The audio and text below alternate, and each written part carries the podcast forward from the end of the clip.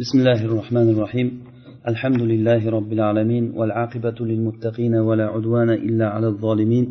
ونشهد أن لا إله إلا الله وحده لا شريك له ونشهد أن محمدا عبده ورسوله صلى الله عليه وعلى آله وصحبه أجمعين. أما بعد السلام عليكم ورحمة الله وبركاته. Biz iymon darsimizda rasululloh sollallohu alayhi vasallamga ergashishlik haqida rasululloh sollallohu alayhi vasallamdan va boshqa payg'ambarlardan chiroyli namuna olishlik ollohni va oxirat kunini umid qilgan odamga va allohni ko'p eslagan odamgagina bu mumkin bo'ladi. Alloh taolo qur'oni karimda aytadiki laqad kana lakum fi rasulillahi uswatun hasana liman kana yarjulloha wal yawmal akhir va zakaralloha katira rasulullohda sizlar uchun go'zal bir namuna bor. Lekin bu namunani alloh taolo bir qaydi bilan qaydlab aytdiki bu hamma uchun emas bu. Bu kimki ollohni va oxirat kunini umid qilsa va ollohni ko'p eslasa mana shu odamlar uchungina bunda namuna bor dedi. Demak sizni qalbingizda qanchalik darajada ollohni umid qilishlik paydo bo'lsa oxirat kunini umid qilishlik bo'lsa shunchalik darajada rasululloh sollallohu alayhi vasallamga ergashasiz va rasulullohda shunchalik sizga namuna bo'ladi. Agar qanchalik darajada bu kamayib ketaversa sizda umid borgan sari mana shu narsa zaiflashib ketaveradi. Olloh asrasin bu toki yo'qolib ketish darajasigacha borib qoladi. Hattoki rasululloh sollallohu alayhi vasallam bu odamni ko'zida xunuk ko'rinib qolishligi ham mumkin. Rasulullohni va u kishini yo'liga ergashgan kishilar ollohni va oxirat kunini umid qilmagan odamlarni ko'zida juda ham xunuk bir yomon ko'rinib qolishlik holatlari ham bo'ladi. Buni mezoni buni o'lchovi ollohni va oxirat kunini umid qilishlik bo'ladi. Biz asosan mana shu haqida gapirayotgandik keyin biz aytdikki ollohni va oxirat kunini umid qilishlikni hosil qilishlik yo'llari bular asosan alloh taoloni sunnatlariga qarashlik bilan bo'ladi dedik. Ya'ni alloh taolo qur'onda ibrohim surasida vadakkirhum bi ayyamillah deb muso alayhissalomni bani isroilga payg'ambar qilib jo'natgan paytlarida aytdiki vadakkirhum bi ayyamillah ularga ollohni ayyomini ollohni kunlarini ya'ni biz buni qisqa qilib aytganda ollohni sunnatlarini eslating dedik. Alloh subhanahu va taoloni sunnatlari haqida gapirishga kirishdik bundan keyin. Biz inshaalloh juda muhim bir mavzu haqida gapiramiz gapirib kelyapmiz ham. Agar buni yaxshilab tadabbur qilib yaxshilab tushunadigan bo'lsak u mavzu ollohni sunnatlari haqida. Alloh subhanahu va taoloni sunnatlari ne'mat bilan bo'lgan sunnatlari bor va niqmat bilan intiqomi bilan ollohni o'ch olishligi bilan bo'lgan sunnatlari bor. Xuddiki alloh subhanahu va taolo kavniy sunnatlarini qanday joriy qilgan bo'lsa alloh taolo shar'iy sunnatlarni ham xuddi shunday joriy qildi. Faqat bular o'rtasidagi farq aksar kishilar ollohni kavniy sunnatlarini fahmlaydi tushunadi lekin ollohni shar'iy sunnatlarini fahmiga yetmaydi. Johil mana shu johilligimiz bizga pand beradi. Mana shu johilligimiz bizni dinni tabiatini tushunmaslikka olib keladi va allohni va oxirat kunini umid qilolmasligimizga olib keladi. Alloh taolodan biz madad so'rab mana shu mavzuda so'zimizni davom ettiramiz. Ya'ni alloh subhanahu va taoloni sunnatlarini koinotda bo'layotgan sunnatlari kabi bizni hayotimizga alloh taolo qo'ygan sunnatlari bor. Yana muhim narsa shuki alloh taolo bizni hayotimiz uchun qo'ygan sunnati ollohni qonuni o'zgarmaydigan qonun. Ammo koinot uchun qo'ygan qonunlari o'zgarishligi mumkin ekan. Buni voqeda biz ko'rdik. Ya'ni alloh taolo o'zini sunnatini aytgan paytda sunnatallohi fillazina xolat min qabl valan tajida li sunnatillahi tabdila.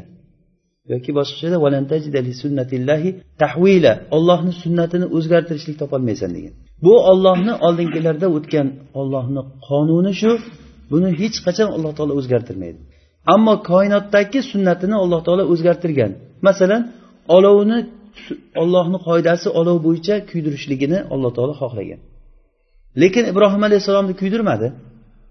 Demak mana shu ibrohim alayhissalom xususida ollohni sunnati o'zgardi shu yoki sad ibn abi vaqqos kisro bilan urushish paytida dijla daryosidan otliq askarlar shunday yurib ot suvni ustidan yugurib o'tib ketishdi. Buni ko'rgan forsni askarlari devona devona deyishib qolgan ekan. Bu sizlar insonlar bilan urushmayapsizlar. Sizlar jinga qarshi urushyapsizlar bu odam emas bular deb qolgan. Ya'ni otlar shunday suvni ustidan quruqligidan yurganday suvni ustidan chopib o'tib ketgan. Mana bu joyda ollohni sunnati o'zi ollohni sunnati hammamiz bilamiz otliq odam suvni ustiga kirsa nima bo'lishini. Suvga cho'kib ketishligi aniq deymiz. Lekin mana shu sunnat shu joyda o'zgaryapti. Bu ollohni kavniy sunnati. Biz o'tgan darsimizda aytgan edikki alloh taoloni mevani pishishligi va uni pishib tagiga tushishligidagi sunnati qanday bo'lsa davlatlarni xorlikdan ko'tarilishligi yoki azizlikdan oyoq ostiga tushishligi xuddi shu mevani tushishligidan farq qilmaydi ikkalasi ham ollohni qonuniga ko'ra bo'ladi. Mana shunday biz ollohni sunnatlarini bilishligimiz kerak. Bugun asosan uchta qoida to'g'risida gapirmoqchimiz. Shundan birinchisi alloh subhanahu va taoloni sunnatlarini ushlashlikda bu sunnatlar deganda biz katta bir mavzuda sabablar haqida gapiramiz. Ya'ni bu sabablarni tagiga boshqa narsalar ham kirib ketadi. Ollohni sunnati shuni xohladiki har bir narsani sabab bilan bo'lishligini xohladi. Masalan farzand ko'rishlik uchun uylanish kerak. Va uylangandan keyin ham ollohni sunnati bor. Unda erkak ayolni holati o'sha bola ko'rishlikka e, jismoniy jihatdan tayyor bo'lishlik kerak. Mana bu qonunni tan olmay ilojimiz yo'q biz. Mana bu ollohni kavniy sunnati deyiladi. Biz mana shu sunnatda sabablarni ushlash paytida shariat buyurgan sabablarni ushlashlikka buyurildik. Ya'ni shariat buyurgan sabablarni ushlamasak agar u o'zining natijasini to'liq bermaydi. O'zini natijasini bermaydi undan kutilingan narsa chiqmaydi. Masalan alloh subhanava taolo qur'onda aytadiki degan. Agar sizlar taqvo qilsalaring alloh taolo sizlar uchun haq bilan botilni o'rtasini ajratishlikni qilib beradi degan. Haq bilan botilni o'rta ya'ni ilm paydo bo'ladi sizlarda. Mana shu ilmni paydo bo'lishligini birinchi sunnati ollohdan taqvo qilishlik bo'ladi. Agar kimda kim ollohdan taqvo qilmasa unga ilm berilmaydi. Ma'lumoti ko'p bo'lishligi mumkin lekin u ilmli bo'lib ko'rinishligi mumkin. Fitna kelgan paytda ilmga eng muhtojlik bo'lgan paytda o'sha odam fitnaga birinchi tushganlardan bo'ladi. Haq bilan botilni o'rtasini ajratolmaydigan holatga tushib qoladi odam. Buni sababi uni ilmi yo'qligi bo'ladi. Ilmni paydo bo'lishligi bu ollohni sunnatini tushunishlik bilan bo'ladi. Biz agar bu narsaga e'tibor bersak biz uchun katta bir fiqhni dinda tushunchali bo'lishligimizni eshiklari biz uchun ochiladi. Demak bizga bitta qoida ollohni qonunini bildikki kimki taqvo qilsa o'shanga ilm hosil bo'ladi degani.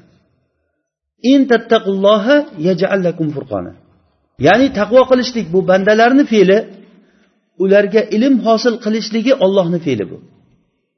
Alloh taolo o'zini va'da qilgan narsasini hech qachon bajarmay qo'ymaydi. Alloh taolo va'dasiga hech qachon xilof qilmaydi. Lekin biz shartlarni bajarishligimiz kerak. Ba'zan shartni bajarsak alloh taolo bergan va'dasi chiqmay turishligi mumkin. Sababi shartni biz to'liq bajarmagan bo'lamiz. Alloh taolo qur'oni karimda aytadiki vakana haqqon alayna nasrul mu'minin. Ya'ni bizlarga haq bo'ldiki musulmonlarga yordam berishlik degan.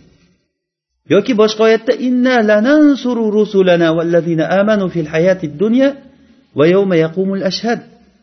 Biz payg'ambarlarga va iymon keltirgan kishilarga shu dunyoda ham oxiratda ham biz yordam beramiz degan. Lanansuru lomi ta'kid bilan aytgan. Innadagi inna ta'kid bilan aytyapti va lanansuruda lomi ta'kid bilan aytyapti. Albatta yordam beramiz degan. Lekin ba'zan ko'ramiz yordam bermaganligini. Mo'minlarga alloh taolo yordam bermaganligini ko'ramiz. Buni sababi nimada? Buni sababi o'sha alloh taolo biz odamlarga yordam beramiz dedimi yo mo'minlarga dedimi? Mo'minlarga yordam beramiz dedimi? Demak ana shu joyda iymon shartini biz to'liq bajarmagan bo'lamiz. Sabablarni to'liq bajarmasdan turib natija chiqmay qolsa o'zini ayblashni o'rniga ollohning va'dasiga ta'na qiladi odamlar.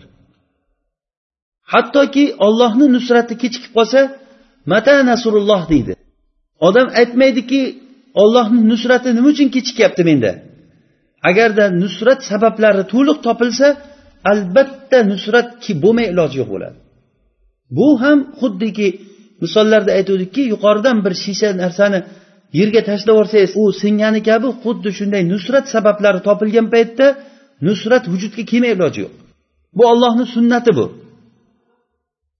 Alloh taoloni sunnati o'zgarmaydi. Mana shulardan bizga hozir bugungi birinchi birinchi bilishimiz kerak bo'lgan narsa alloh taoloni sunnatini ollohni shariatiga muvofiq holatda shu sabablarni biz ollohni shariatiga muvofiq holatda ushlashimiz kerak ekan. Agar o'shanday bo'lmasa bizga kutilingan natija chiqmaydi. Masalan alloh taoloni kavniy sunnati shuni xohladiki qonun bu odam ko'payishlik uchun er xotin bo'lishi kerak. Bu kavniy xuddi hayvonlar bir biri bilan qanday erkak ayoli qo'shilib ko'paysa bola ko'payganday odamlarda ham xuddi shunday bo'lishligini xohladi alloh taolo. Bu kavniy xohishi bu. Lekin shar'iy tomondan odamlarni nikoh orqali va ba'zi bir qonunlarni bizga qo'yib qo'ydiki ana shu qonunlar orqali nikoh bo'lishligini alloh taolo xohladi endi agarda nikohlamasdan er xotin bo'lib yashaversa odam ko'payib xuddi hayvonlar ko'paygandek ko'payib yuraverishligi mumkin. Lekin u o'sha sababni ushlagan deyilmaydi bu narsa. Mana bunda nikohdan ko'zda tutilingan narsa o'zining aks natijasini beradi. Nikohdan nafaqat odamni ko'payishligi balki bu yerda ulfatchilik qarindoshchilik mehr oqibat degan narsalar bor. Nikohsiz bo'lgandan keyin bu o'sha natijalar salbiy holatda noto'g'ri natija bo'lib chiqaveradi.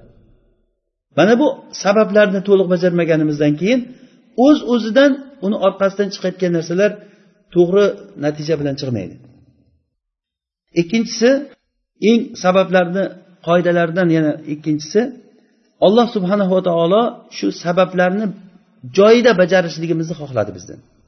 buni biz o'tgan darsimizda ham ozroq chalaroq gapirgan edik shu joyida bajarilmasa u narsadan foyda bo'lmaydi o'zini aytilingan natijasini bermaydi masalan alloh taolo qur'onda mo'minlarni maqtagan paytda aytadiki laqad taballohu alan nabiyyi والمهاجرين والأنصار الذين اتبعوه في ساعة العسرة من بعد ما كاد يزيغ قلوب فريق منهم ثم تاب عليهم ليتوبوا alloh taolo payg'ambarni va muhojirlar va ansorlarniki ular rasulullohga payg'ambarimiz sollallohu alayhi vasallamga qiyinchilik paytida ergashgan sahobalarni alloh taolo tavbasini qabul qildi dedi.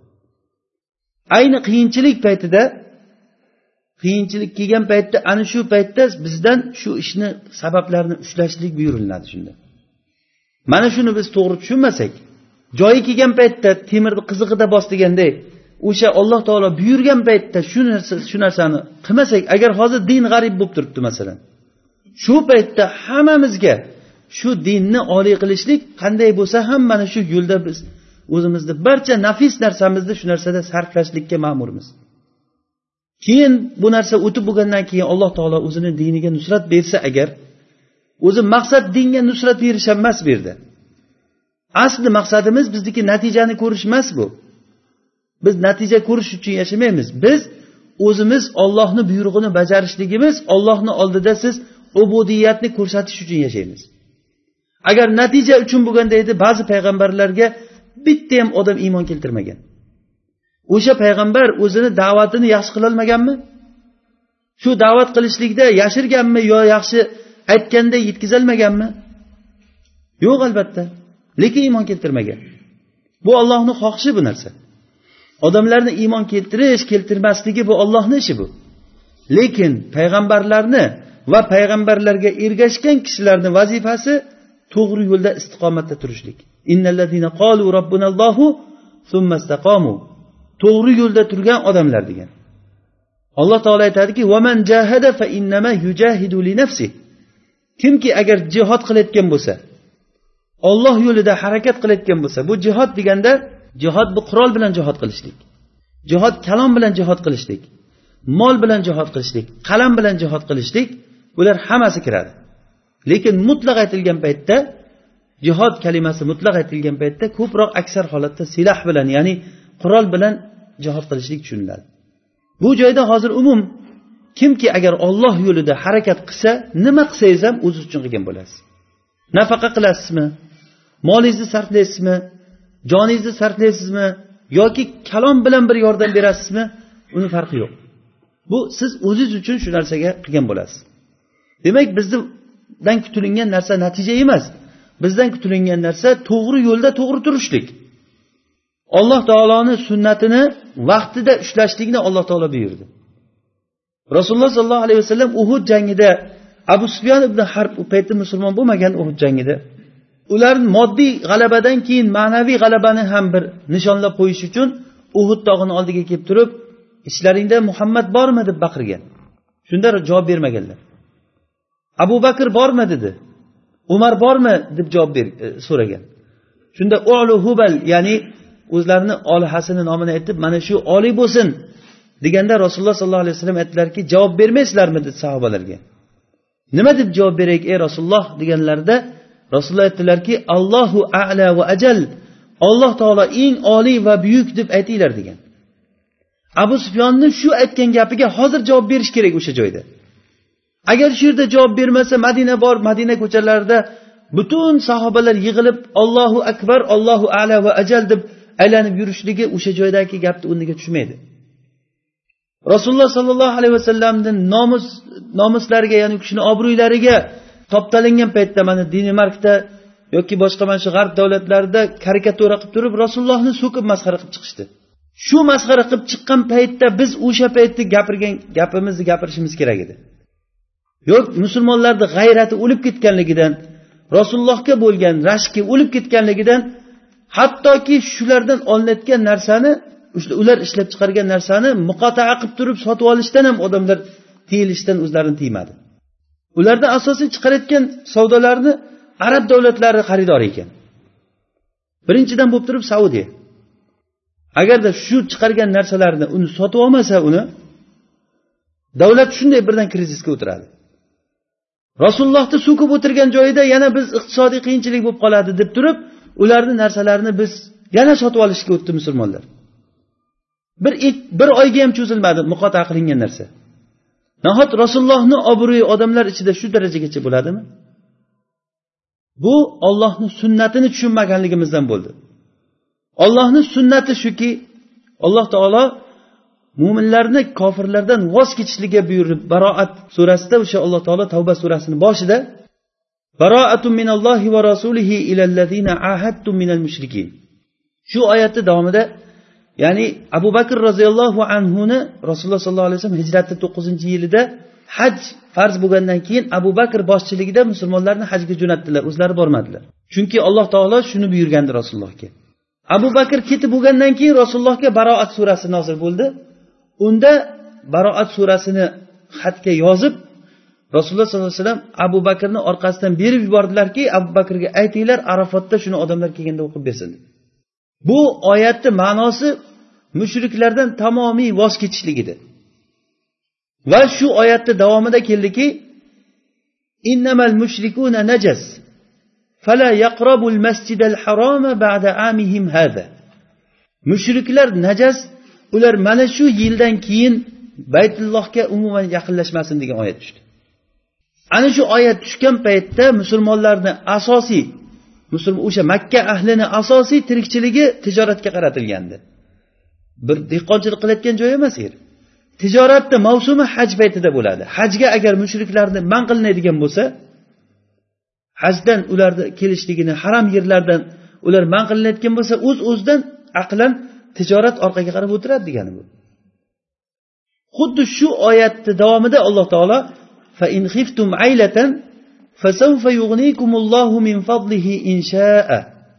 agar sizlar kambag'alchilikdan qo'rqayotgan bo'lsanglar qo'rqmanglar. Alloh taolo o'zini fazlidan sizlarga ochib beradi dedi. Alloh taolo o'zini fazlini ochib beradi. Mana bu sabablarni qarang. Sabablarga suyanib qolgan odam tirikchiligi mana shuni orqasidan o'tib turadi degan odam ollohni buyrug'ini qo'rqib o'sha narsadan qilmay o'tib ketishlikka keladi. Masalan riboni haromligini yoki bir tirikchiligingiz bo'lib tursa shuni haromligini shubhaligini bilib turib ham lekin o'shani agar harom deb men chetlanadigan bo'lsam menga rizqim kelmay qoladi degan tushuncha bor odamlarda. Mana bu tushuncha ollohni sunnatini noto'g'ri tushunishlik degani alloh taolo xuddi shuni to'g'irlash uchun aytyaptiki agar sizlar kambag'alchilikdan qo'rqayotgan bo'lsanglar alloh taolo sizlarga o'zini fazlidan sizlarni boy qiladi. dedi ya'ni bir sababdan ikkinchi sababga o'tkazib qo'ymadi mo'minlarni alloh taolo sizlarga mana bu sababdan qo'rqyapsizlar tijoratdan qo'rqmanglar sizlarga men boshqa yerdan bir eshik ochib beraman demadi. Balki mo'minlarni iymoniga havola qilib qo'ydi ollohni fazliga topshirib qo'ydi ularni. Dedi. Olloh o'zini fazlidan beradi sizlarga dedi. Demak ollohni fazlidan deb mo'min kishi ishonsa tamom shu bitta o'zi kasbni yo'li tijorat edimi shu narsada shunday kechib qo'yaveradi. Va alloh taoloni agar bitta eshikni yopib qo'ysa harom deb unga bir qancha eshiklarni ochib tashlaydi. Masalan bir kishi bir chuqur joyga yiqilib yotgan bo'lsa yuqoridan bir kishi kelsadan keyin kel men seni qutqarib olaman deb bir arqon tashlasa bir arqon shu arqonga ushlab osilib chiqadigan paytingizda shu arqon uzilib ketsa boshqa arqon yo'q.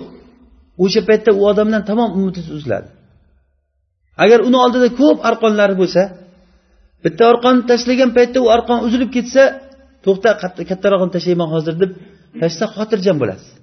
Bo'ldi hozir to'xtab tur boshqasini tashlaydi deysiz. Unda boshqa yo'llar ko'p bo'ladi sizni qutqarishlik uchun. Endi olloh subhanava taologa gumoningiz qanday. Olloh sizga rizq berishlik bobida bitta sababni ochdimi?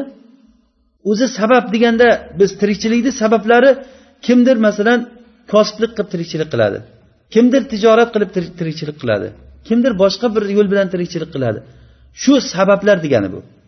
Sabablarni yaratuvchisi ollohni o'zi. Shu sabablarni yaratgan olloh mana bu ishni qilma deyapti sizga. Agar qilma deb o'tirgan paytda odam yo'q buni qilmaydigan bo'lsam agar men yomonlikka uchrayman deb turib ollohni va'dasini ishonmadi odam. Ollohni va'dasiga ishonmadidan keyin keyin ollohga xilof qildi nima uchun? Rizq topishlik uchun. Vaholanki u rizqni olloh yaratadi. Va u rizqni sababini alloh taolo yaratadi. Va o'sha rizqdan keladigan natijalarni alloh taoloni o'zi yaratadi. Va alloh taolo aytib qo'ydi unga agar noto'g'ri yo'l bilan qilayotgan bo'lsang mana bunaqangi natijalari bor uni. Bir zahar ovqatni oldingizga oldiga qo'yib bir kishiga. Mana buni yeb qo'yadigan bo'lsang agar mana bunday mana bunday yomon salbiy natijalar beradi desa o'sha odam shuni yesa shu gapdan keyin ham. Keyin u salbiy natija chiqqandan keyin dodvoy qilsa meni shunchalik yomon natijalar bo'lib ketdi desa kim bo'lsa ham o'sha odamni o'zini ayblaydi. Seni o'zing qilding bu ishni senga aytiluvdi necha marta deb bu ana shu narsadan farqi yo'q buni. Alloh taolo zinodan qaytardi odamlarni. Qilmanglar zino buni oqibati yomon bo'ladi. Hatto rasululloh sollallohu alayhi vasallam aytdiki qaysiki bir qavmni ichida agar zino tarqalgan bo'lsa ularda har xil kasalliklar o'lim tarqalib ketadi deganlar. Mana shu narsani bilib turib ham odamlar zino qildi va mana shunday yomon kasalliklarga uchrab jamiyatni buzilishligiga olib keldi. Yomg'ir yomg'irlarni yog'may qolishligini sababi odamlar zakotni man qilishligi bo'ladi. Mana shu sababdan keyin ham odamlar iloji boricha zakotni bermaslikka harakat qildi. Bersa ham uni bir hiyla nayrang qilib berishlikka o'tdi. Zakot degan narsani o'zi berishlik uchun kam bo'lib qoldi musulmonlar ichida. Lekin bersa ham bir yo'lini qilib qanday bo'lsa ham yo kamroq berishlik yo bo'lmasa bir o'tmay yotgan narsalarni berib yuborishlikka o'xshagan bir yo'lini qilib shu vojibdan qutulishlikka harakat qilindi. Va natijada zakotni man qilishlikni oqibatida ularga yomg'irni man qilishligi yomg'ir yog'may qolishligi o'simliklarni o'smay qolishligi ollohni sunnati bu. Rasululloh sollallohu alayhi vasallam aytdilar qaysiki bir ummatda agar zakotni man qilsa ulardan yomg'ir va o'simliklar man qilinadi dedilar. Yomg'irlarni yog'may qolishligi mana shu sababdan bo'ldi. Mana bu shar'iy sabab bu. Shar'iy sabab qaysiki bir qavm ollohni hukmi bilan hukm qilmasa alloh taolo ularga rahm qilmaydigan odamni ular ustidan ularga hukmron qilib qo'yadi dedi. Ollohni hukmi bilan hukm qil desa hech kim rozi bo'lmaydi. Biz ollohni hukmi bilan hukm qilish deganda faqatgina davlat o'laroq tushunamiz bu narsani.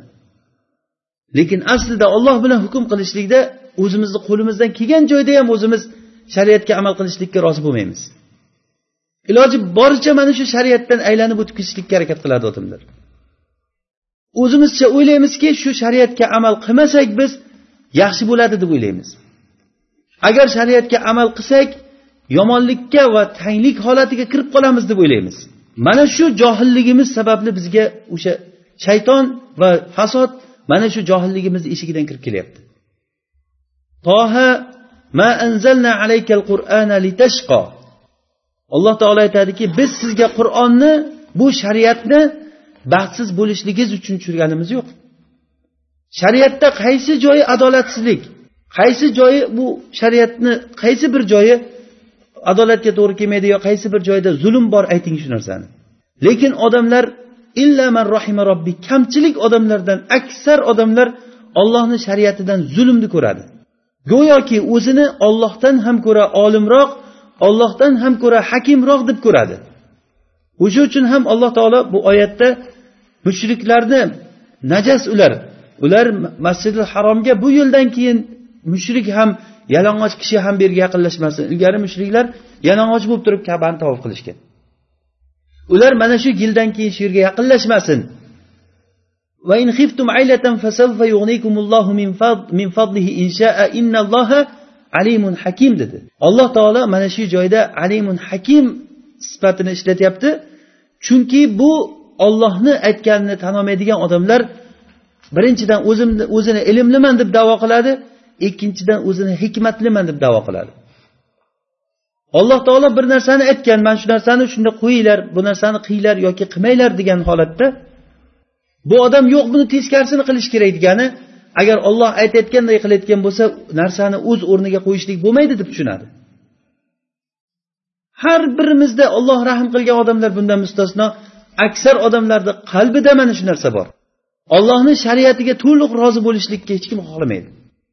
Va o'zidan keyin zolim odam kelib turib unga zulm qilsa ustidan. Dod voy qilib turib zolimni qarg'aydi. Lekin vaholanki o'sha odamni o'zi ham qaysidir bir ma'noda zolimligi esida esida yo'q uni. Mana bu ollohni sunnatini biz to'g'ri tushunishligimiz kerak bo'ladi. Alloh taoloni sunnati zolimlarni zolimlar bilan jazolashlikni alloh taolo xohladi. Bu ollohni shar'iy sunnati.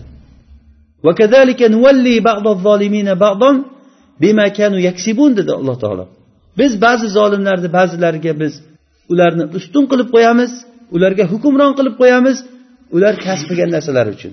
Demak bu ollohni sunnati zolimlardagi sunnati mutroflardagi ya'ni dabdababoz bo'lgan boylikka berilib ketgan kishilardagi ollohni sunnati bor. Alloh taoloni musulmonlarga nusrat berishlik azizlikni berishlik va ularga tamkin ya'ni yerda imkoniyat berishlikdagi ollohni sunnatlari bor.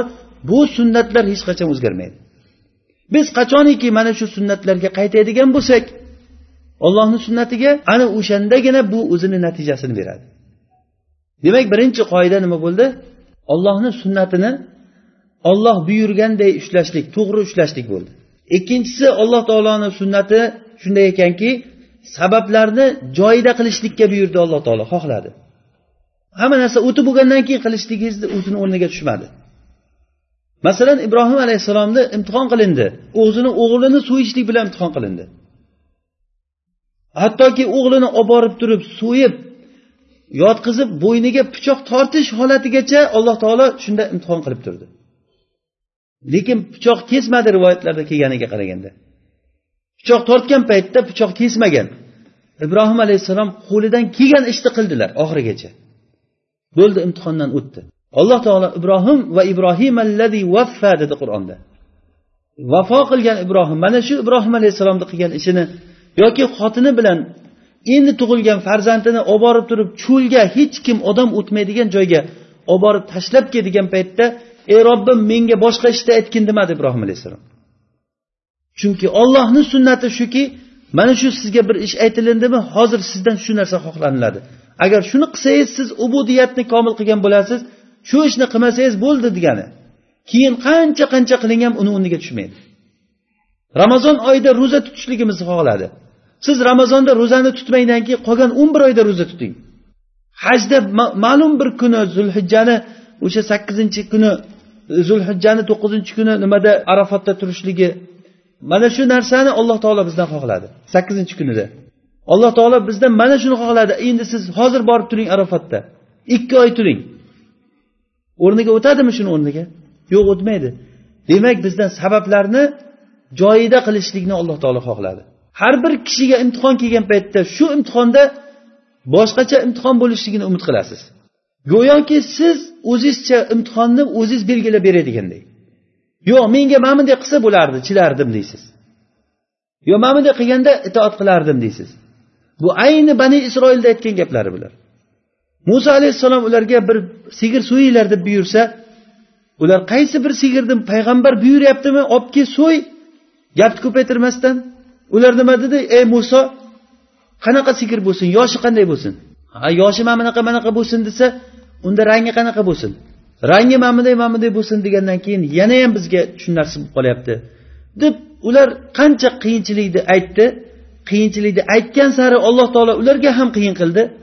Oxiri qur'onda ularga kelgan ularga shu muso alayhissalom tiliga ko'ra kelgan sigir umuman noyob bir sigirga aylanib qoldi. O'sha sigirni topdi ular. O'sha sigirni aytgandan keyin xuddiki ular musodan ko'ra olim kishiday al ana jita bil haq dedi payg'ambarga. Uyalmasdan ana endi to'g'ri gapirding dedi. Payg'ambar ularga boshda noto'g'ri gapiruvdimi? Deb turib mutlaq aytgan paytda sizlarga sigir so'yishlikka buyurilyapti deganda alloh taolo o'shanda muso alayhissalom noto'g'ri gapiruvdilarmi?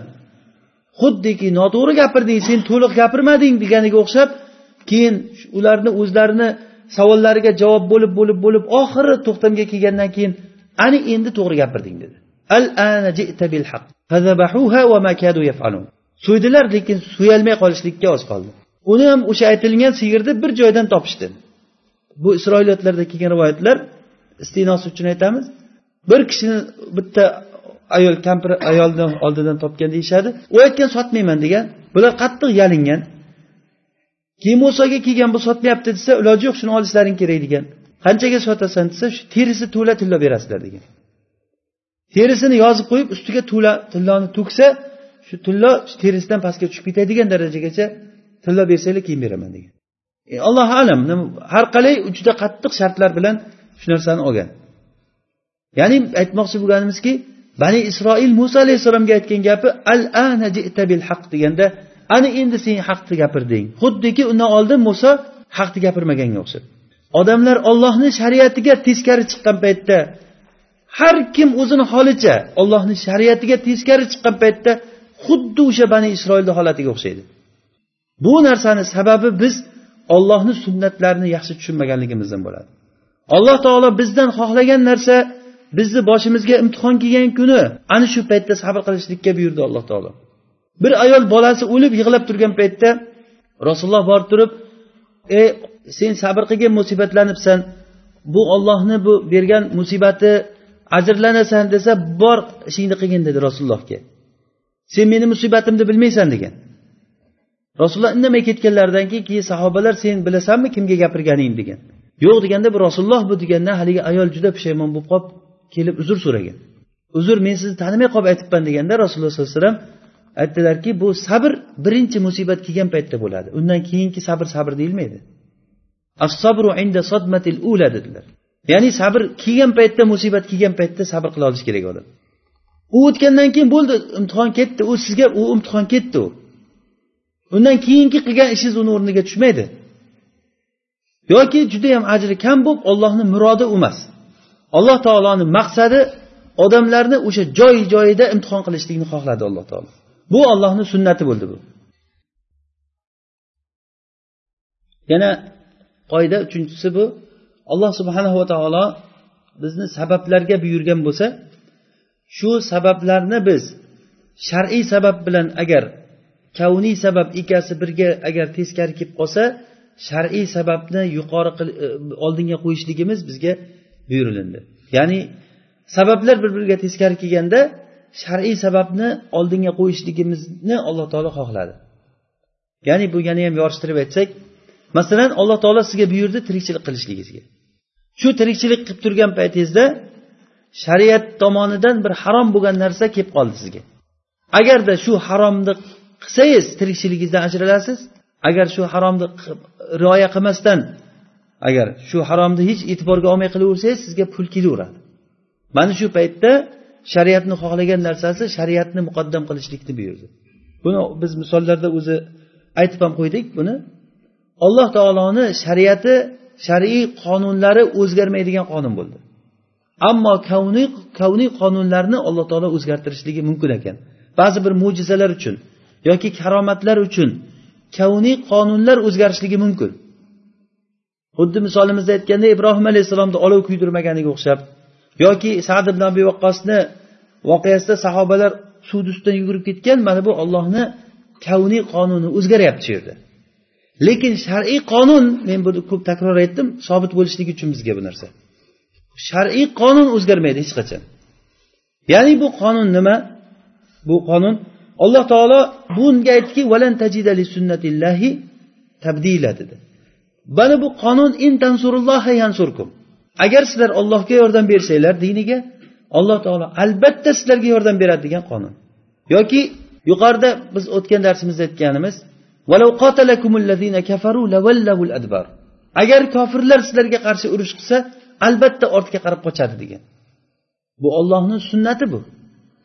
Olloh aytyapti bu narsani. Uchrashsangiz bo'ldi qochib ketadi ular deyapti. Xuddiki bani isroilga o'xshab ularni bir qishloqqa kirishlikka alloh taolo buyurdi bir qishloqqa kiringlar deb agar kirsanglar g'olib bo'lasizlar dedi alloh taolo.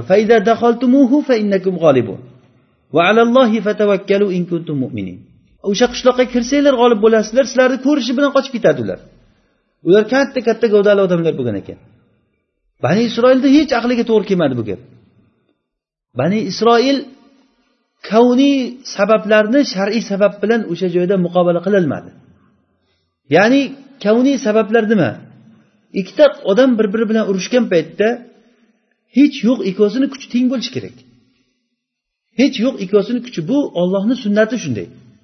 Ikkita odam bir biri bilan olishtirgan paytingizda ham hatto kilogrammi va boshqalarini teng qilib chiqarmasa adolat qilmagan hisoblanasiz. Mana bu alloh taoloni kavniy xohishi bu narsa. Endi ularga olloh taolo buyuryaptiki chiqinglar mana bu qishloqqa kiringlar. Desa bu shar'iy buyruq bo'ladi. Shu paytda kavniy holatda rioya qilish kerakmi yoki shar'iy buyruqni qilish kerakmi? Shar'iy buyruqni qilish kerak. Agar shar'iy buyruqni qilsa nima bo'lardi? Shar'iy buyruqni qilsa nima bo'lardi? Albatta o'shanda alloh taolo nusrati bo'larmidi lekin ular qilmadi. Ular qilmaganligi uchun ularga jazo keldi. Ular qirq yil cho'llarda borishga joy topmay tentirab yurdi. Xuddi shu narsa bilan ko'zoynak bilan siz qur'onga qarang shu xuddi shu ko'zoynak bilan hayotga qarang. Alloh taolo buyurdi o'sha buyurgan narsasi ollohni buyurgan narsasi kavniy ba'zi bir qonunlarga biz uchun to'g'ri kelmay qolayotgandek bo'lib ko'rinsa ham biz shu paytda shar'iy buyruqni qilishligimiz kerak bo'ladi. Yo'q bu to'g'ri kelmaydi. Ayollarni niqob o'rab yurishligi to'g'ri kelmaydi. Nafas qisilib ketadi bu. Inson borki o'zi erkin yurishlikni xohlaydi. Yo'q alloh taolo buni xohlamadi ulardan. Ular avratlaringni ko'rsatmanglar o'zlaringni nomahram odamlarga ko'rsatmanglar deb shar'iy buyurdi. Endi ollohni shar'iy buyrug'i bilan inson o'zidagi xohishi kelib qolgan paytda aksar odamlar shar'iy buyruqni shunday chekkaga qo'yib qo'yib o'zini xohishini qildi shu qilishligida yaxshilikni istab qildi ular. Inson hur bo'laman deb turib ollohni toatini tashladi. Hur bo'laman deb turib ollohni toatini tashlavdi alloh taolo ularni qulga aylantirib qo'ydi. Yo bir biriga qul bo'ldi yo bir biriga qul bo'ldi yoki boshqa bir millatlarga qul bo'ldi yo o'zini nafsiga qul bo'ldi shunchaki odam tubanlikka kirdiki o'zini kimligini o'zi esdan chiqarib qo'ydi inson. Zino qilishlikdan qaytardi. Inson borki alloh taolo sunnati insonda shahvatni yaratdi. Bu shahvati bilan erkak ayol o'rtasidagi jins bir biriga intiladigan holatda yaratdi alloh taolo. Va lekin shar'an harom ishda yurmanglar deb turib alloh taolo qaytardi. Odamlar o'yladiki ollohni bu qaytarig'ini qilayotgan bo'lsak ko'p shahvatlarimizdan biz tiyilib qolamiz deb o'ylashdi. Va buni oqibatida bu shariatni olmaymiz. Shariatda aytilingan anavilar ko'p qiyinchiliklar tug'diradi. Uni olma buni olma to'rttadan boshqaga uylanma zinoga yurma degan narsalar bo'ladi. Biz buni xohlamaymiz. Chunki biz maishat qilishlikni xohlaymiz. Deb maishat qilishlik uchun shariatni shunday tashlab maishatga kiruvdi alloh taolo ulardan maishatni olib qo'ydi. Lazzat topolmaganligidan erkak ayol bilan zino qilishlikka to'ymasdan erkak erkak bilan zino qilishlikka ayol ayol bilan akramakumulloh mana shunaqangi bir buzuq ishlarni qilishlikka o'tdi inson. O'shandan keyin ham rohat topolmasdan erkak nima bo'larkan deb o'zini jinsini kestirib tashlab ayolga aylantirdi o'zini o'zi. Quloqlariga sirg'alar toqdi. Sochlarini o'stirdi lablarini bo'yab ayolga o'xshab ko'chalarda yurdi odamlar. Nima uchun shunday qilyapti o'sha odam? Bir ahmoq bir qanaqa odam bu? Nimaga shunday qilyapti? Chunki u odam shahvatiga erishmoqchi bo'lyapti. Lekin topolmayapti o'sha shahvatini. Shahvatiga ergashmoqchi shahvatini topolmayapti chunki ollohni sunnatini boshqa yerdan izlayapti u.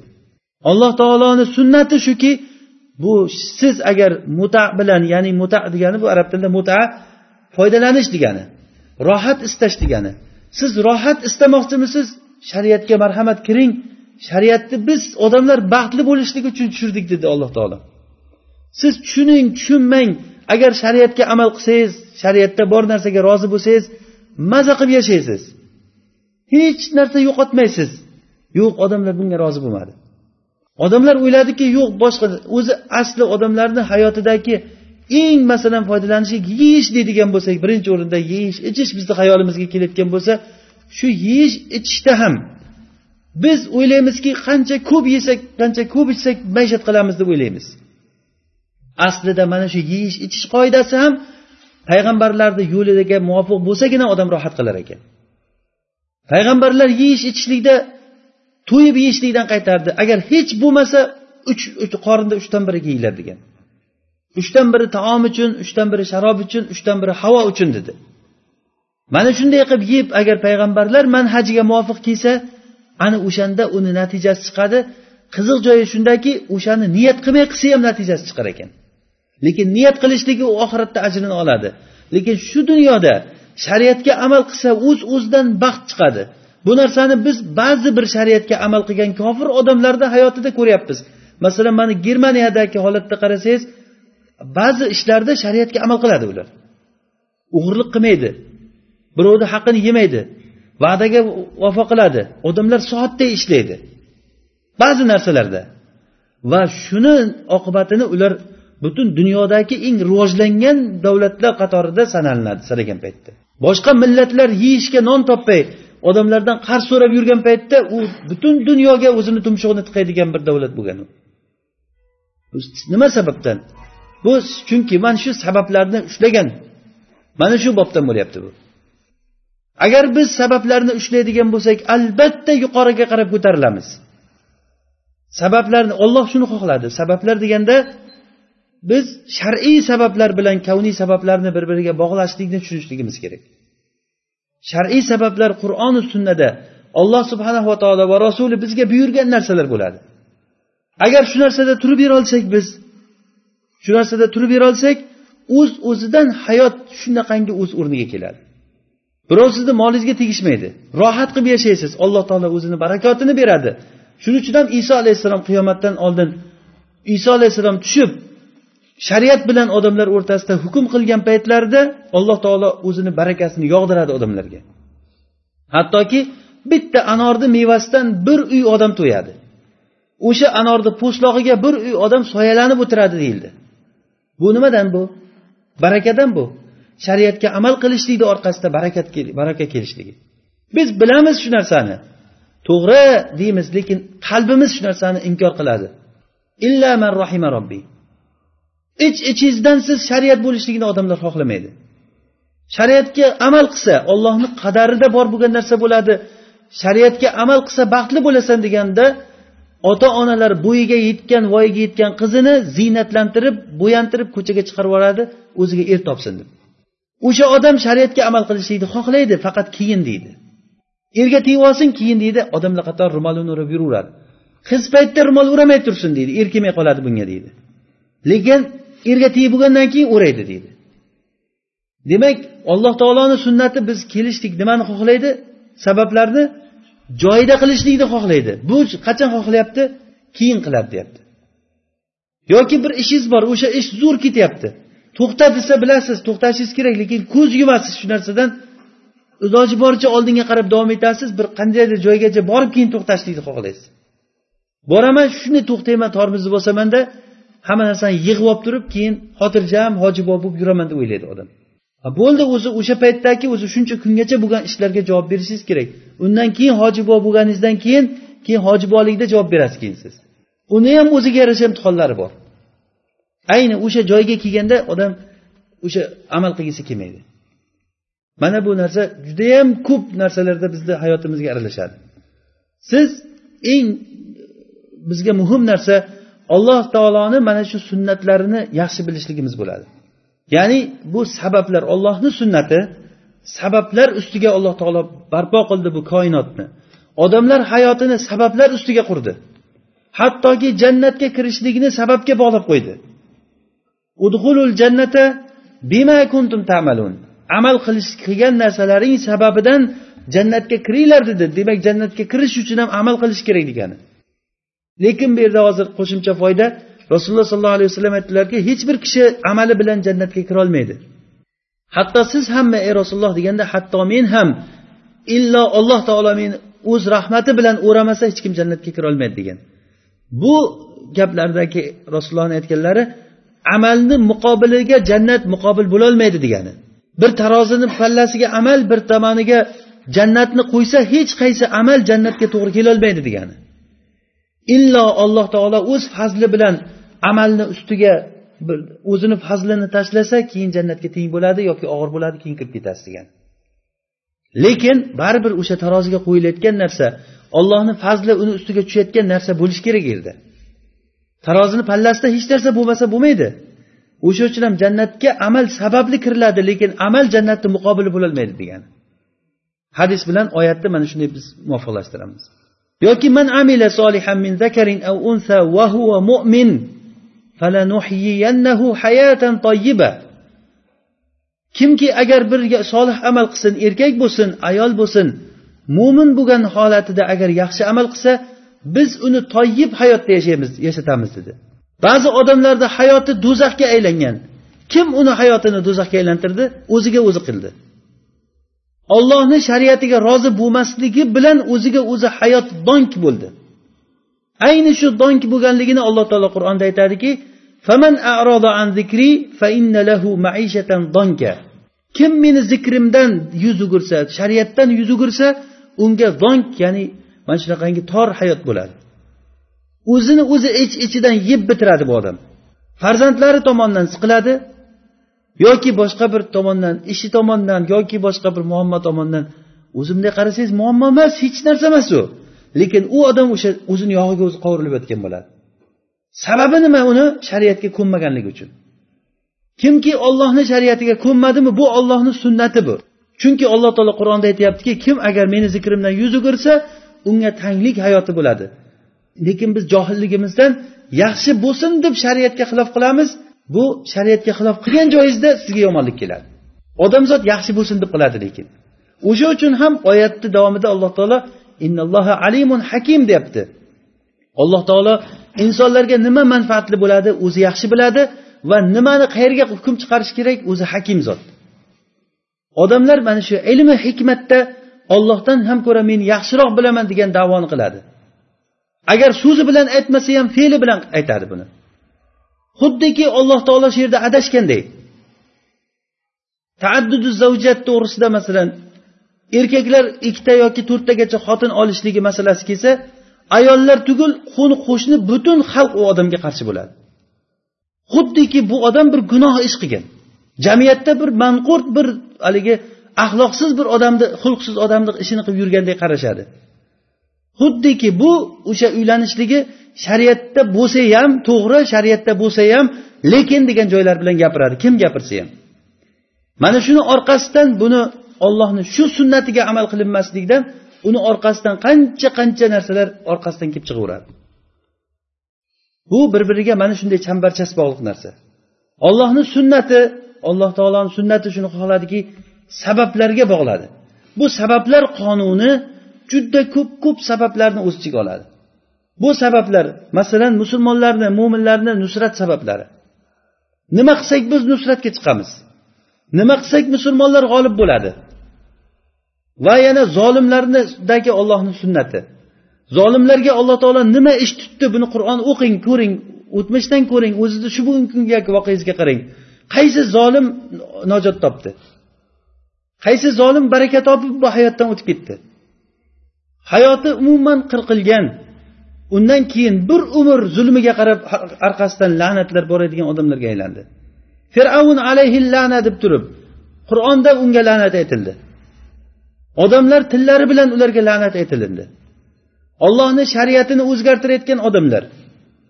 Ollohni shariatini o'zgartirib mana bu ollohni hukmi bunaqa emas bunaqa deb turib aytgan odamlarga ollohni la'nati bor maloikalarni la'nati bor butun insonlar va la'natlovchilar hammasi la'natlaydi degan.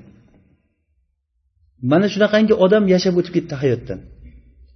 Sizga kimga kerak o'zini hayotini mana shunday hayotga solishlikni inson o'ziga o'zi zulm qiladi.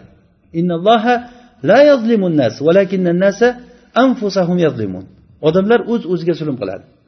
Demak bugungi darsimizdan foyda alloh taoloni sunnati koinotni butun koinotni sabablar ustiga qurgan ekan. Sabablar bu kavniy sabablar bor ekan. Xuddiki yomg'ir yog'ishligi bir sabab. O'zidan o'zi havoga bulut kelmasa yomg'ir yog'maydi. Lekin olloh qodirmi yog'dirishlikka? Bulut kelmasdan ham osmondan yomg'ir tushaverishligi mumkinmi? Lekin olloh buni xohlamadi. Alloh taolo osmonga bulut kelib shamol bulutni olib kelib turib yomg'irni bir sharoiti bo'lgandan keyin yomg'ir yog'adigan qildi. Mana bu kavniy sabablar bular. Xuddi shu kavniy sabablar buni hammamiz tan olamiz buni. Amalimiz bilan ham tan olamiz so'zi bilan ham tan olamiz. Ya'ni amalimiz bilan tan olganligimiz yomg'ir yog'moqchi bo'layotgan bo'lsa havo bulut bo'layotgan bo'lsa bir yomg'irda uvib qolayotgan bir kitoblar yo boshqa narsa bo'lsa shartta o'shalarni ichkariga olib kirasiz. Nimaga siz chunki bilyapsiz yomg'ir yog'sa ho'l bo'lib qoladi bu kitob ustiga nam tushgandan keyin ho'l bo'lib qolishligi. Yo'q nam tushsa ham nam bo'lmasin. Men aytaman man bo'lmaydi deb desangiz uni ahmoq deydi u odamni. Buni hammamiz tan olamiz. Xuddi shunday odamlarni hayoti uchun ham alloh taolo qonun yaratdi. Va mana shu qonun bilan hukm qildi alloh taolo. Va o'zi va'da berdiki bu qonun o'zgarmasligini va'da berdi. Biz mana shu dinni shariatni o'rganar ekanmiz ollohni mana shu qonuniga qarashligimiz kerak. Nima qilsak nima bo'ladi? Mana misol uchun shu qonunlardan biri agarda zakot bermasak nima bo'lar ekan? Yomg'ir yog'may qolar ekan. O'zi asli yomg'ir yog'ishlikni ikkita sunnati bor. Shar'iy sunnati bor va kavniy sunnati bor. Kavniy sunnati u bulutlar kelishligi shamollar uni haydab kelishligi ollohni ishi bu narsalar. Lekin shar'iy sunnati u nima? Odamlar zakotni berishligi. Demak kavniy sunnatlar bilan shar'iy sunnatlar kelgan paytda agar odamlar shar'iy sunnatni qilmasa kavniy hosil bo'lmas ekan. Agarda odamlar mana shu zino ishlarini qildimi ularda har xil kasalliklar tarqalib ketadi. Ollohni shariatiga amal qilmadimi ularga zolimlar kelib turib ustilariga hukmron bo'lib oladi. Bu ollohni xohishi sunnati bu o'zgarmaydi bu narsa. Qaysiki bir ummat yuqoriga chiqqan bo'lsa tekshiring. Hatto kofir bo'lsa ham alloh taoloni shu sunnatiga amal qilganligi uchun ular taqaddumga oldinga qarab yurgan zulmda tiygan o'zlaridan. Amr ibn osni mustavrid ibn shaddadga aytgan gaplari la taqumun nasu illa va rumu aksarun nas deganda qiyomat qoyim bo'lgan bo'lishidan oldin rum odamlarni eng kuchlisi bo'ladi degan gapni aytgan paytda bu shu amr ibn os nima dedilar? Bu gapingni o'ylab gapirgin. Chunki bunday bo'lishi qiyin endi deganda yo'q men bu gapni rasulullohdan eshituvdim desa unday bo'layotgan bo'lsa ularda to'rtta xislat bo'ladi degan. Ko'ryapsizmi tushunchasini kuchini? Demak mana shu to'rtta narsa bo'lsa bu ollohni sunnati bu. Ana shunga qurilgan degani. Qaysiki bir qavmda shu to'rtta xislat bo'lsa u qavm nusrat bo'lishlikka haqli bo'lib qoladi. Demak bu sabablarni biz ushlashlikka buyurilganmiz. Biz ojiz bir gumroh bo'lgan ummat bo'lmadik. Alloh taolo bizga qur'on berdi. Mana shu qur'on bizni zulumotdan nurga olib chiqadigan qur'on bo'ldi. Har bir narsada buni hukmi bor. Er xotin o'rtasidagi muomalada hukmi bor. Davlatlar bilan davlatlar o'rtasida nima qilishlikni hukmi bor bunda. Bunda namoz o'qishlikni hukmi deysizmi? Robbingiz bilan o'zingizni o'rtangizdagi asosiy narsa shu o'zi qur'onda. Olloh bilan inson o'zini o'rtasidagi aloqani tiklashlik. Mana shu narsa butun janjallar meros masalasi deysizmi? Taloq masalasi deysizmi? Idda masalasi deysizmi? Jihod masalalari deysizmi? Tijorat masalalari deysizmi hammasini usullari qonun qur'onda bayon qilib qo'yilindi. Mana shunga amal qilsak agar biz albatta albatta najot topishligimizni alloh taolo va'da berdi. Intansurulloha yansurkum mana ollohni sunnati. Agar sizlar ollohga nusrat bersanglar ollohni diniga ollohni diniga nusrat berish degani bu qur'onga amal qilishlik degani. Agar biz qur'onni o'zimizga dustur qilib olsak hayotimizda bu qur'on biz uchun nur bo'layotgan bo'lsa u har bir masalada uyimizda birinchi o'rinda. Shariat bizni uyimizda shariat hukmron bo'lsa qo'limizdan keladimi shu narsa? Shuni qilsak agar biz shariatga amal qila oladigan bo'lsak mana bunda biz albatta baxtli hayotda yashaymiz. Buni robbil alamin va'da berdi. Man amila solihan min zakarin aw unsa va huwa mu'min falanuhyiyannahu hayatan tayyiba. Bu shu dunyoda bu. Kimki yaxshi amal qilsa erkak bo'lsin ayol bo'lsin solih amal qilsa mo'min bo'lgan holatda ya'ni mo'min bo'lgan holatda allohga ishonib ollohni buyurgan deb bu ollohni shariati deb agar amal qilayotgan bo'lsa biz uni albatta hayatan toyiba shu dunyoda toyib hayotda yashatamiz. Bu oxiratda. Ularni amallarini biz juda ham yaxshi bir mukofotlar bilan beramiz degan.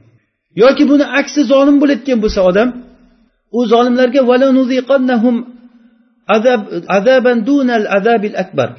mana bu katta azobdan oldin kichkina azobni ularga tattiramiz. Bu shu dunyoda. Mana bu shu dunyoda. Akbar laallahum yarjiun.